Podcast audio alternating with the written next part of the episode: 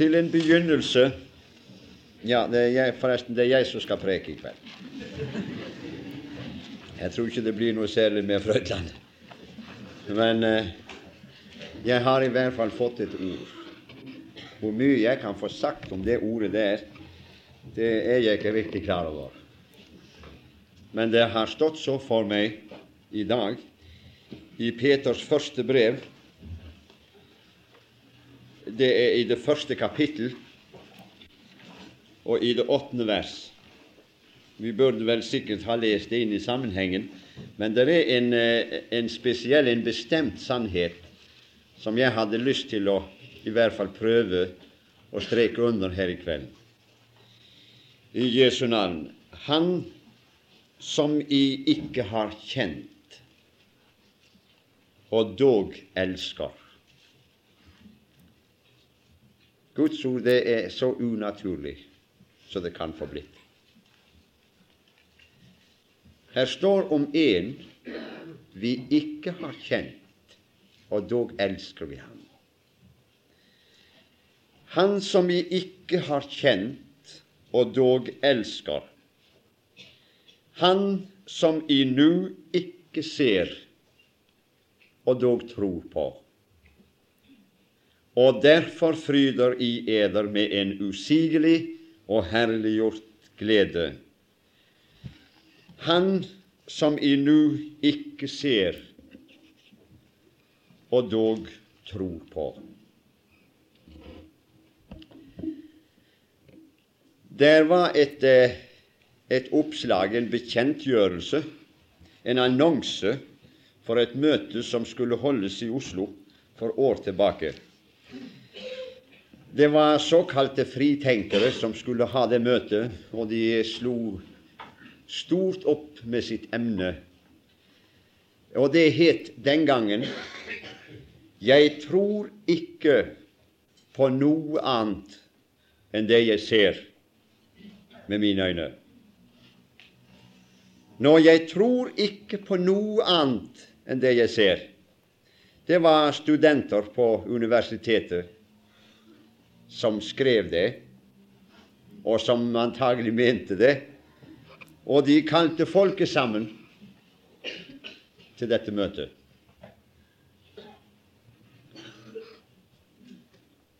De hadde også frimodighet til å be sammen de ledende troende i, i organisasjonene. Og blant dem var også en som het Ole Hallesby, som eh, sikkert noen av dere kjenner navnet eh, til. Og det var en ganske ung mann i 19-20-årsalderen som, eh, som, virkelig hadde talegaver, ja. Og han talte godt, fyren. Over det emnet Jeg tror ikke på noe annet enn det jeg ser. Fabelaktig til å sjonglere med ord, så de kunne bli helt betatt. Så han fikk applaus rett som det var i sin tale. Så ble ordet gitt fritt. Pleier gjerne å gjøre det hvis det var noen som hadde lyst til å understreke det som taleren hadde kommet med. Og de som da var, ba om ordet etterpå, det var Hallesby. Så han eh, eh, hen eh, vendte seg til eh, den unge foredragsholderen som satt der oppe. Og så spurte han eh, Unnskyld, unge mann, holder de fremdeles fast ved det de nå har stått og talt om her i over en time? Tror de ikke på noe annet enn det de ser? Og den unge mann sa, Nei, jeg tror ikke på noe annet, og jeg holder fast ved det som jeg har talt. Hallesby er rolig når han spør, 'Unnskyld, unge mann, har De noen gang sett deres forstand?' Oh, for et spørsmål! Han var noe blek før, men nå ble han sprutrød i fjeset for hele den store forsamlingen. Og så måtte han sitte og riste på det lille røde hodet sitt og si offentlig Nei, det har jeg ikke sett. Hvorpå Hallesby bare sa vel, så har de ingen forstand, ung mann.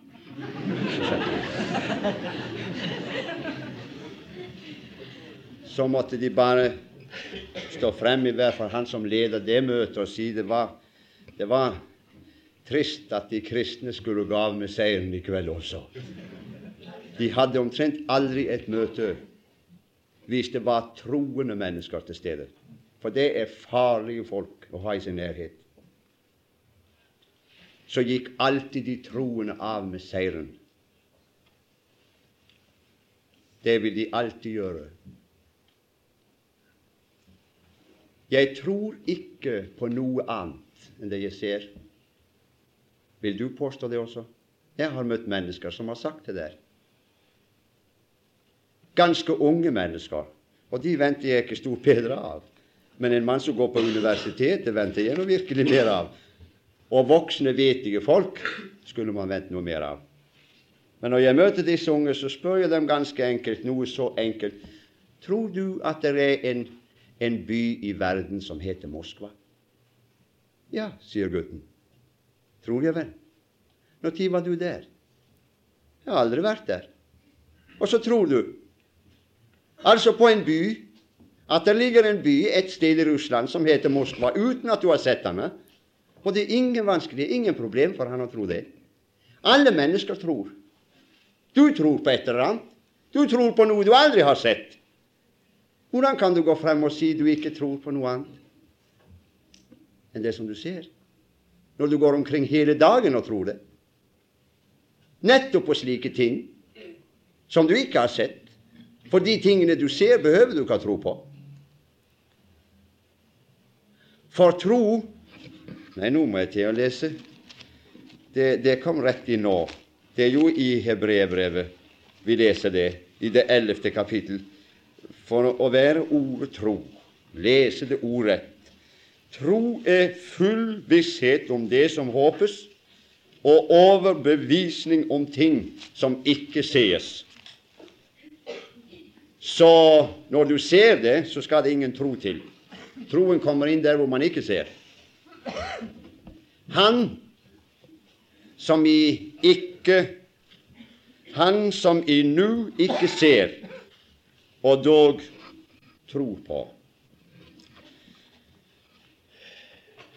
Dette med kristendommen, la meg få lov å være så personlig og bekjenne det rett ut. Jeg har aldri forstått meg på det der med kristendom, altså. Det høres sikkert rart ut, for jeg har selv nå vært en troende i Nei, jeg husker ikke hvor mange år. Men jeg har aldri forstått meg på kristendom en dag i alle disse årene. Det har gjort det litt problematisk for meg, altså. For også jeg vil gjerne forstå meg på ting. Men her har jeg måttet kapitulert hver eneste dag og tro meg, mine venner, jeg har aldri forstått meg på det. Det er noe som ikke vår intelligens, noe som ikke vårt vet, kan begripe seg på. Og jeg er så lykkelig over å kunne si til denne forsamling aldri har Gud forlangt det av meg heller, at jeg skal forstå meg på det. Nei, og ikke har Han forlangt det av noen av dere. Kristendom har aldri vært en forstandssak for noen. Den har utelukkende vært en troesak i alle tider. Vi må begi oss ut på ting som vi ikke forstår oss på, men vi begir oss ut på det bare i tro.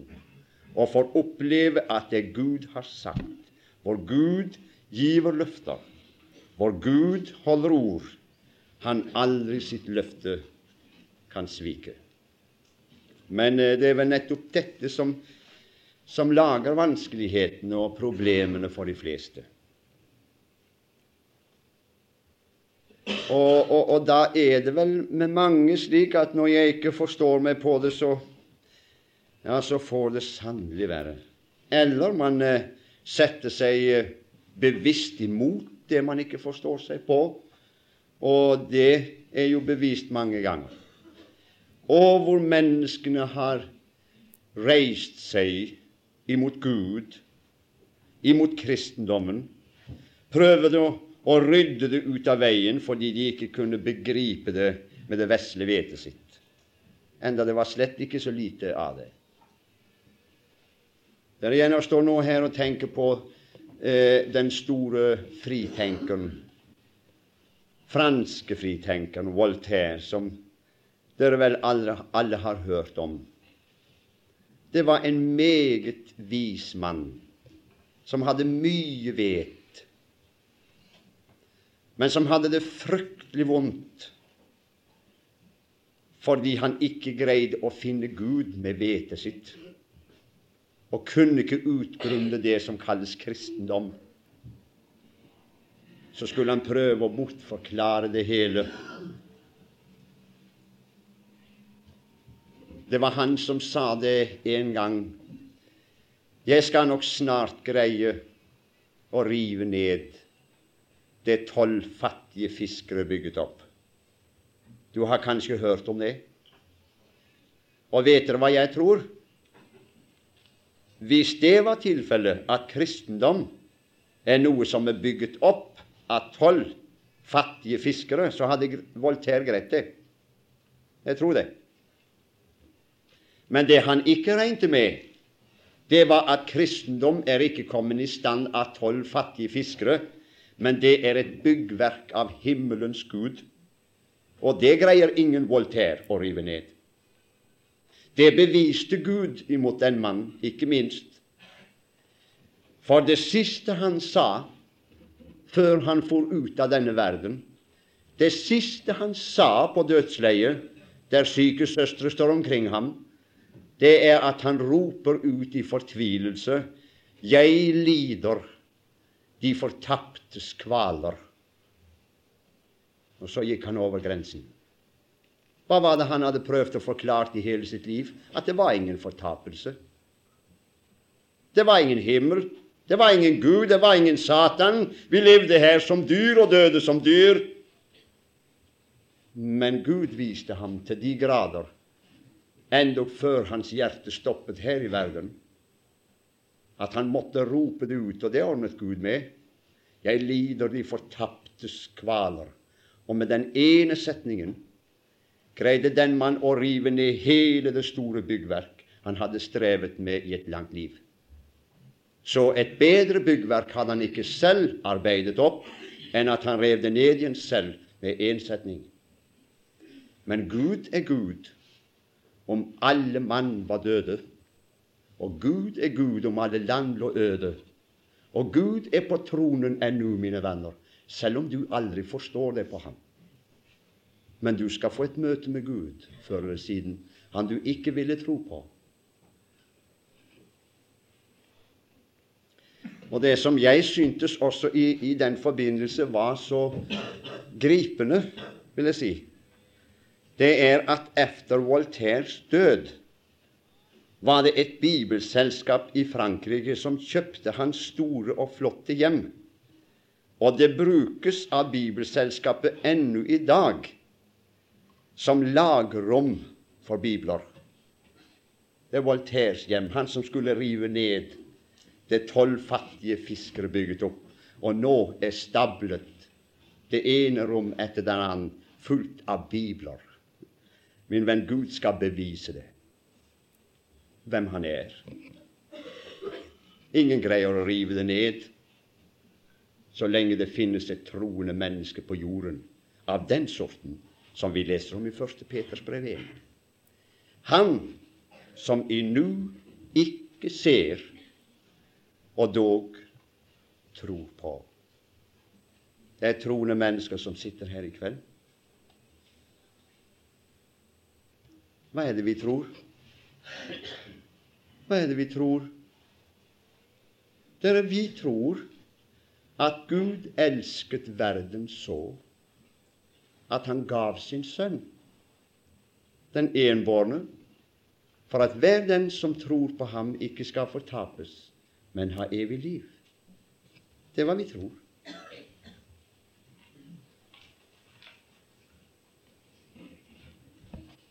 Det er den lille Bibel. Vi tror at Gud har gitt oss evig liv, og dette liv er i Hans Sønn. Vi tror at den som har Sønnen, har livet. Den som ikke har Guds sønn, har ikke livet. Det er hva det står skrevet. Det er ikke noe problematisk. Mens noen sier det er nettopp det som er problemet for meg. Hadde jeg bare kun tro, så var saken i orden. Min venn, det er ingen steder i Bibelen som taler om at folk ikke kan tro, for faktisk er at du tror. Det var jo nettopp det jeg sa til å begynne med. Men det var ingen som benekta det. Jeg kjente det i min ånd. Alle mennesker på Åkra tror. Alle mennesker hvor de bor i verden, tror på et eller annet. Tror på noe de ikke ser. Hvordan kan du si du ikke kan tro? For det er jo nettopp det du gjør hver eneste dag. Min venn, når det gjelder å tro på Kristus, er det heller ingen som skal stå frem og si de ikke kan tro på ham. De burde heller være ærlige og si 'jeg vil ikke tro på ham'. For det er sannheten, nemlig. Og den som ikke vil tro, det taler Jesus om. Han er allerede dømt. Ja, Fordi han vil ikke tro. For hvis du vil tro, så kan du tro.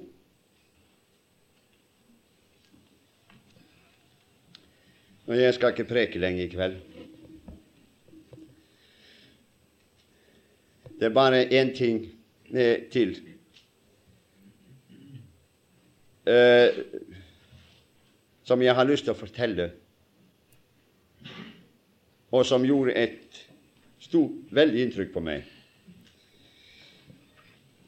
Det var om en mann eh, som eh, gikk forbi et møtelokale i, i Amerika. Han hadde ikke tenkt seg på møte, nei for han var ingen møtegjenger og var aldeles ikke noe interessert i det de som gikk for seg i kirkene heller. Men eh, dette var en fin og varm og god sommerdag, sånn som vi har hatt i dag her, med åpne dører og solskinn og godt vær. Og dere som ikke har vært her før i dag hos oss, skal jeg få lov å si det, vi har ikke savnet det solskinn utenfor. Vi har ikke savnet det. Det er noen som sier det er så voldsomt til regnvær i dag, og, og, det ser sånn ut når vi kjører nedover mot åna. Det flyter over. Men vi har hatt, eh, vi har, vi har hatt fin sommervarme her. Åndelig solskinn. Det er solskinn i min sjel i dag. Nå vel, det var varmt og godt. Dørene står på vid vegg ut til gaten eh, idet den mannen passerer. Men da sto det også noen unge mennesker her oppe på plattformen og sang. De sang den nye sangen som Gud hadde lagt i deres munn, en lovsang til vår Gud. Og de sang nydelig, nesten like pent som den sangen vi har hørt i kveld. Eh, det gjorde at den mannen, idet han var passert, så, så rygget han tilbake igjen litt, og så ser han inn. Får han både se og høre. Og begge deler gjorde at mannen ble dratt inn forbi kirkedøren uten å ane at det største under skulle skje i hans liv. Han ble nemlig frelst den kvelden. Han sitter på den nederste benken nede ved døren. De sang igjen, og han fryda seg over sangen, for han likte sang og musikk. Han som talte, det var ingen skrål, ingen skrik, ikke noe unaturlig, men tvert om så naturlig Kanskje litt for naturlig etter hans mening. De skulle jo ha en viss slags preketone, i hvert fall, når de sto på en prekestol og skulle si noe til en stor forsamling. Men han talte, han snakket med folk, syntes den mannen. Han forkynte Kristus som en stedfortreder for syndere. Han eh, sa setningene noe så enkelt som dette Jesus Kristus døde for alle på Golgata kors. Min venn, er det ny, er det en nyhet for dere venner som er her i kveld? Men det ble en veldig nyhet for ham. Jesus Kristus døde for alle på Golgata kors, og han glemte ikke deg heller. Og så peker han ned gjennom i forsamlingen, og den mannen nede ved døren syns tydelig at pekefingeren står så retta på han så han fikk som et lite sjokk, stakkar. Han satt nede ved veggen. Han døde. Han glemte ikke deg heller. Så hørte han igjen, og predikanten fortsetter. Jesus Kristus har med sitt hellige blod gjort soning for alle våre synder. Han glemte ikke én av dine synder heller. Og slik står han og preker og peker på den mannen inntil troen kom ved hørelsen, som vi leser i Hebreerne 10. Og han ble så grepet av å høre om Jesus som døde for meg, og som sonet for all min synd. Han hadde visst hørt navnet Jesus før, og visste at han hadde noe med mennesker å gjøre, men han hadde aldri trodd at han hadde noe med seg personlig å gjøre. Så han var så grepet at han endog reiser seg før talerne er ferdig, og så roper han det ut i den store forsamling. Hvis det der er sant, som du preker i kveld, så hører jo jeg Gud til. Jeg også. Predikanten han sier jeg har aldri sett dem før, unge mann, så det der kan jeg ikke uttale meg om. Men én ting er i hvert fall helt sikkert, og det er at Jesus døde for deg. Det kan du være ganske viss på. Og at Jesus har sonet for all din synd med sitt hellige blod på Golgata kors, kan du være ganske overbevist om. Og min venn, den mann, han ble frelst. Ikke ved knefall. Han eh, folda ikke sine hender. Han eh, bøyde ikke sine kne. Han ba ikke til Gud. Nei, han strevde ikke med noen ting, men han hørte. Jeg tror det var i en av timene i dag jeg vet ikke hvem, enten det var Aurebekk eller Bjerkrem som var inne på den sannheten. Det der med å forkynne evangeliet, så folk sitter stille i forsamlingen og hører forkynnelsen av Kristus på en slik måte at de hører seg frelst. Så de bare kan folde sine hender i stillhet og si Takk, Jesus, at du døde for meg, min ufrelste venn. Jeg forlanger ikke at du skal bøye kne, ikke Gud heller. Gud forlanger absolutt ikke noen ting av deg i så måte for at du skal bli frelst, men han vil ha øret ditt. Han vil at du skal høre, for da kommer troen, ikke ved å høre hva som helst, men ved å høre forkynnelsen av Kristi ord. Min venn, du trenger å høre det i kveld. Hva vil du gjøre med det budskap? Hvem trodde det budskap han hørte? Jesus døde for deg. Jesus har ordnet opp for din synd. Enn om du nett nå, rett der du sitter, hvem vet hva som skjer nå i dette øyeblikk? Det er noen som virkelig tror. Synden min er jo sonet. Gjelden min er jo betalt. Jesus har kjøpt meg med sitt hellige blod, rett slik som jeg er. Kanskje er det noen som vil folde sine hender og si takk, Gud, at du elsket meg så høyt at du ga meg din sønn.